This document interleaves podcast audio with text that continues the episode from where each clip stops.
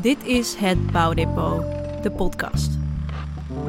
Een jaar lang volgen we vijf voormalig dak- en thuisloze jongeren. Ze ontvangen een maandelijks inkomen om hun leven weer op te bouwen. In de vorige aflevering, de terugblik, hoorde je hoe het nu, een jaar na de start van het bouwdepot, gaat met de vijf jongeren van de eerste pilot. Ze vertelden over hun ervaringen tijdens het bouwdepot en over de toekomst erna. Huis inrichten, dat, uh, ja, daar, daar begin ik alweer van te lachen, want dat is mij eindelijk gelukt. Ik sta er heel erg positief in. En als ik uh, naar mezelf vorig jaar keek, was ik helemaal niet zo positief. Dus uh, ja, het bouwdepot heeft mij echt heel ver gebracht. Dat ik nu ook gewoon hier kan zitten in mijn huis. Nu hier zo samen met jou. Dat, het heeft mij echt tot hier gebracht. En ik had eigenlijk nooit verwacht dat het zo ver zou gaan, zeg maar. Ook wij van het bouwdepot zijn bezig geweest met onze toekomst. Nadat we vorig jaar begonnen met vijf deelnemers, start er in de zomer alweer een nieuwe groep van vijf jongeren. Met deze tien eerste bouwdepots staan de jongeren zelf aan zet. Ze krijgen het vertrouwen en de financiële rust om zonder zorgen te bouwen aan een betere toekomst. Op deze manier bouwen we aan een preventieve aanpak om jongeren dakloosheid te voorkomen. In deze laatste aflevering nemen we je graag mee in de lessen die we hebben geleerd. En zullen we je vertellen hoe we verder zullen gaan met het bouwdepot. We praten verder met onderzoeker Frank van Steenbergen van onderzoeksbureau Drift. Hij werkte de afgelopen maanden aan een onderzoeksrapport over het bouwdepot, met als titel Een herontwerp van bestaanszekerheid, dat in zijn geheel terug te vinden is op onze website. Of je het bouwdepot ziet als een succes of niet, ligt volgens Frank aan hoe je er naar kijkt.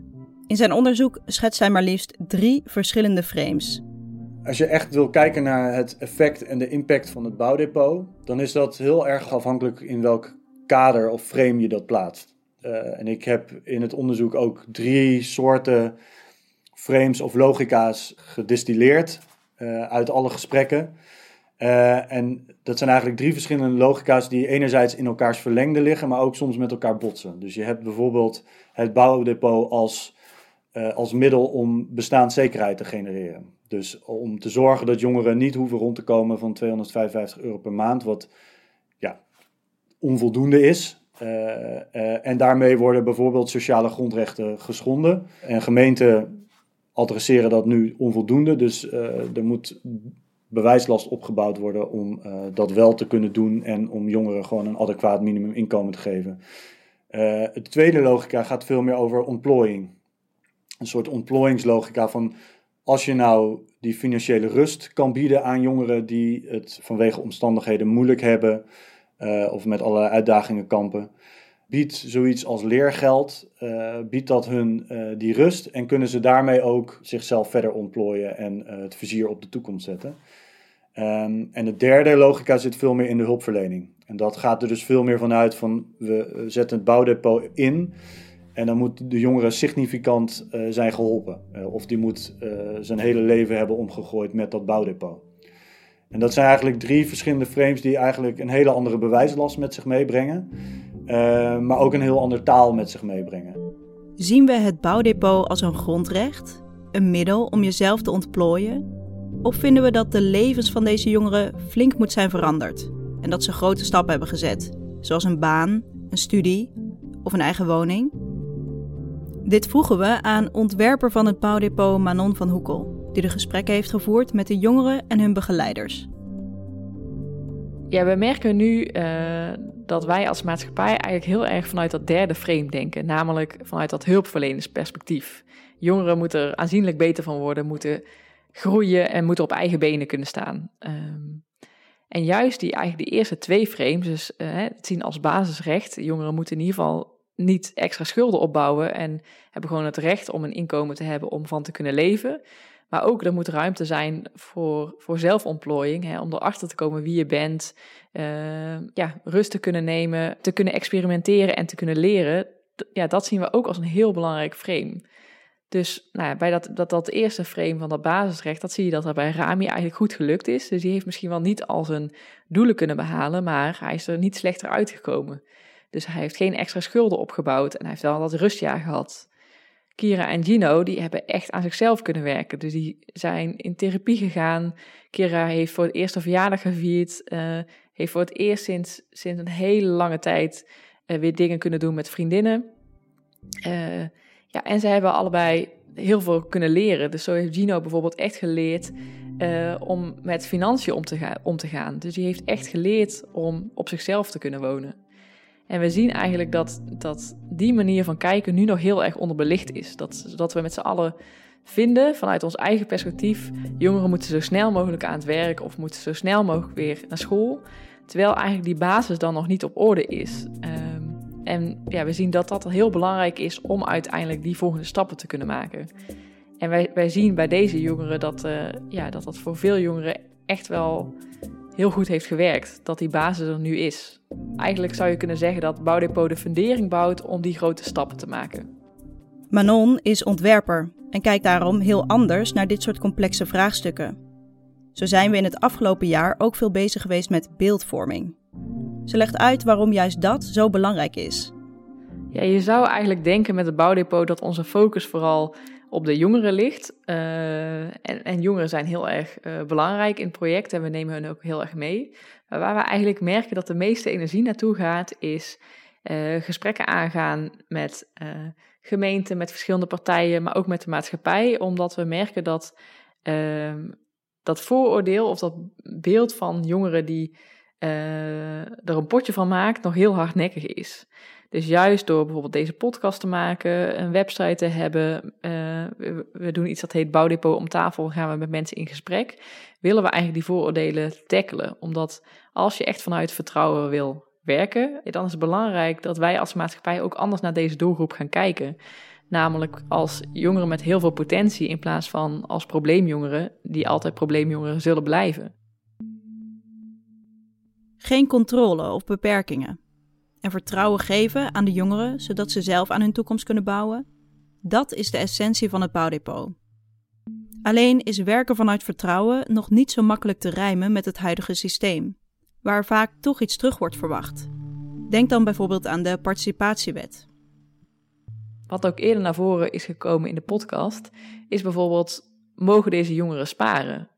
Nou, we horen vaak van mensen dat ze zeggen nee, want dan is inkomen blijkbaar te hoog.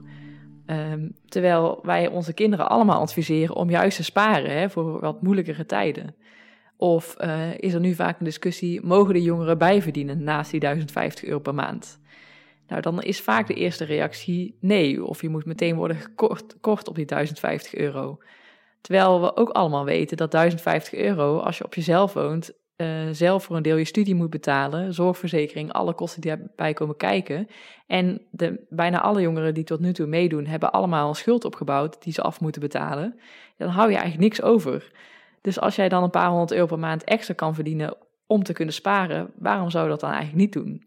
En het aangaan van dat soort gesprekken, dat is eigenlijk bijna de hoofdtaak van het bouwdepot geworden. Deze eerste proef en de gesprekken die we voerden met verschillende partijen hebben op zichzelf misschien alleen op kleine schaal verandering gebracht. Maar we zien het als de eerste dominostenen, die uiteindelijk een grotere beweging teweeg gaan brengen. Manon vertelt hoe het vervolg van het bouwdepot eruit gaat zien. Ja, ik denk dat we met het bouwdepot echt hebben laten zien dat het ook anders kan. Um, dus door gewoon te beginnen uh, met eerst maar vijf jongeren. Uh, ja, dat is echt wat ontwerpers doen. Hè? Dus echt prototypes maken en, uh, en gaan starten. Um, nu hebben we veel gesprekken met andere gemeenten die toch heel erg geïnteresseerd zijn geraakt in het bouwdepot. En we gaan in het komend jaar meerdere pilots in meerdere gemeenten draaien, uh, in ook verschillende versies, om hiervan te leren. Want uh, we hebben nog niet het gouden ei, zeg maar, we willen nog heel erg ontwikkelen. Uh, dus dat gaan we het komend jaar doen. Uh, en we gaan ook, ja, wat noemen we dat dan, een toolkit uh, ontwikkelen. Dat wordt een online platform waar, waarop jongeren, begeleiders en ambtenaren kunnen inloggen, waarin ze alle stappen zien die moeten worden doorlopen in zo'n jaar. En hoe je kan voorbereiden, hoe je het gesprek aangaat en hoe je dat dan eigenlijk doet, dat werken vanuit vertrouwen. Manon laat zien dat het bouwdepot is gebouwd vanuit een ontwerpersaanpak. Maar wat is dat eigenlijk, zo'n ontwerpersaanpak? Hierover sprak ik met André Chaminet van adviesbureau Twijnstra Gudde. Hij werkt al jaren aan complexe maatschappelijke vraagstukken in het publieke domein. En om deze vraagstukken aan te vliegen, werkt hij vaak samen met ontwerpers. Omdat volgens André moeilijke vraagstukken binnen de publieke sector belang hebben bij creativiteit, nieuwe vormen en soms ook radicaliteit. In hele ingewikkelde vraagstukken uh, kun je een heleboel dingen bedenken, maar je weet gewoon niet of ze gaan werken. Je moet het gewoon gaan doen. En hoe radicaler de ruimte is waarin je experimenten kunt doen, hoe, hoe, hoe meer ter zake doen die experimenten zijn, des te meer je ervan gaat leren. En het doen van goede, wezenlijke uh, experimenten, dat is iets wat ontwerpers heel goed kunnen. En waar publieke organisaties veel meer moeite mee hebben, omdat ze, en dat is wel heel erg begrijpelijk, maar um, als ze echt niet weten wat eruit gaat komen, dan, dan vinden ze dat risicovol. En dan gaat er een soort van risicomanagement plaatsvinden. En risicomanagement is de meest efficiënte manier om iedere innovatie de nek om te draaien. Dus in, ontwerpers kunnen publieke organisaties heel goed helpen leren door het doen van goede experimenten. Alleen, en dan kom je bij het boek wat ik heb geschreven, die experimenten moeten wel zodanig ingebed worden dat het niet leidt tot politieke kwetsbaarheid of politieke onrust of uh, allerlei andere zaken, waardoor uiteindelijk het experiment irrelevant wordt gemaakt. We moeten volgens André in het bouwdepot alert zijn op de politieke context. We hebben er namelijk voor gekozen om dit jaar een veilig speelveld te creëren. Gefinancierd door fondsen om ervoor te zorgen dat we zelf alle touwtjes in handen houden. Maar we gaan nu een volgende stap maken naar het huidige politieke en sociale systeem. En dat doe je door te blijven onderzoeken, te leren en samen te werken met alle betrokken partijen. Dit vraagstuk verandert terwijl je eraan werkt. Dus op het moment dat je een oplossing bedenkt en denkt we gaan hem nu implementeren, tegen de tijd dat je zover bent, is de wereld zo veranderd dat waarschijnlijk het probleem weer een heel andere gedaan heeft. Dus je wilt een soort van infrastructuur hebben waarop je uh, met elkaar werkt aan die nieuwe toekomst en adaptief bent op alles wat er gebeurt. En dat, dat noemen we een, een innovatie-infrastructuur of een innovatie-ecosysteem, wordt het ook wel zo genoemd. En dat, dat, dat, dat doe je met de jongeren uh, over wie dit gaat. Dat doe je met, met de professionals die met heel veel toewijding hier aan werken. Dat doe je met het openbaar bestuur. Um, eigenlijk met het, met het hele systeem. In een eerdere podcastaflevering spraken we met staatssecretaris Paul Blokhuis van het ministerie van Volksgezondheid, Welzijn en Sport. André Chaminet heeft ook meegeluisterd en ziet in hem een belangrijke bondgenoot. De staatssecretaris geeft namelijk in het interview aan dat hij voorstander is van het werken vanuit vertrouwen. De staatssecretaris zal begrijpen dat als je met jongeren die uit zo'n positie komen, en dat zullen jullie waarschijnlijk ook ervaren, het zal niet 100% goed gaan. Er zal er wel eens een keer eentje over de schreef gaan, er zal wel eens een keertje eentje zijn die het vertrouwen beschaamt. Maar dat is, dat, is dan de, ja, dat is dan de consequentie van je keuze om te gaan handelen vanuit vertrouwen. Dus Blokhuis omarmt die waardeshift, hè, dus die reframing van waarde, niet van wantrouwen naar, maar naar vertrouwen. Maar daar kan hij als staatssecretaris natuurlijk een paar dingen doen. Hij kan een, hij kan een infrastructuur voor innovatie aanleggen bij de gemeente. En hij kan het als politicus ook de consequenties van zo'n verandering uh, bespreekbaar maken. En daar ligt, daar ligt wel een belangrijke rol. Want zolang wij als samenleving ieder incident, uh, als we dan gaan roepen om, om hard optreden, ja, dan, dan, dan is dit dus de, de collateral damage die erbij hoort. Deze collateral damage, waar André het over heeft, zal betekenen dat initiatieven als het bouwdepot, waar het draait om het geven van vertrouwen, niet ver zullen komen. De staatssecretaris ging op zoek naar onconventionele plannen, waar het bouwdepot er een van is. Maar het blijft volgens André een wisselwerking. Want als we het schaalbaar gaan maken, dan moet daar de juiste infrastructuur voor worden gebouwd. Hier zou een fantastische wisselwerking tussen ontwerpers en een hele gedreven staatssecretaris uh, kunnen gaan ontstaan. Maar dan moeten we er wel allemaal instappen.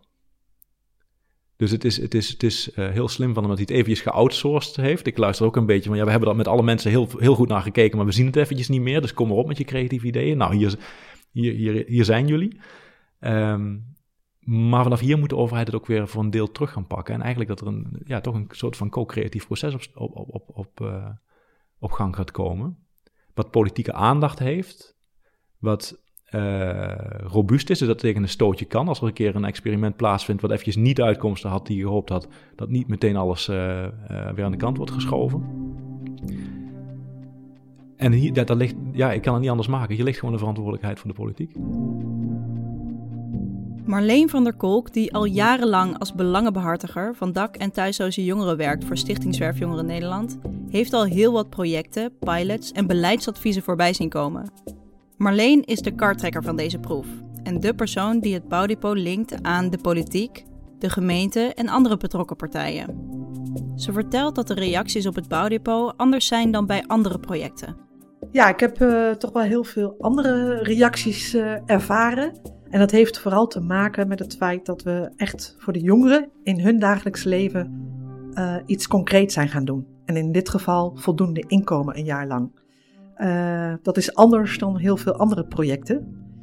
Daarnaast heeft het veld, de hulpverleners, maar zeker ook de ambtenaren bij gemeentes uh, die willen niets liever dan aan de slag met preventie. Hè? Voorkomen is beter dan genezen. Het accent en de aandacht ligt heel veel bij het schaneren van de schulden. En dus als het eigenlijk al veel te ver is.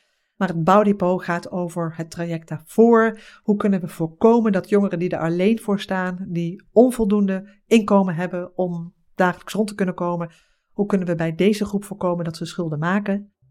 Uh, en dat is wat ik terugkrijg van ambtenaren, van hulpverleners, uh, maar ook het Rijk. Na een jaar lang ervaring met het bouwdepot kijkt Marleen positief terug. Want er is ondertussen al veel bereikt. We zijn natuurlijk vanuit Stichting Zwerfjongeren Nederland uh, min of meer in het diepe gesprongen. Uh, we weten al sinds jaar en dag dat het inkomen, die bestaansonzekerheid voor deze groep jongeren ons een doorn in het oog is. Uh, dus we zijn het gewoon gaan doen met steun van de fondsen. Um, nou, daar hebben we veel in geleerd dat het heel helpend is voor de jongeren zelf. Uh, maar ook veel uh, support, positieve reacties vanuit denkers, maar ook ambtenaren, het Rijk, politici. kortom, we hebben een brede netwerkorganisatie om ons heen verzameld.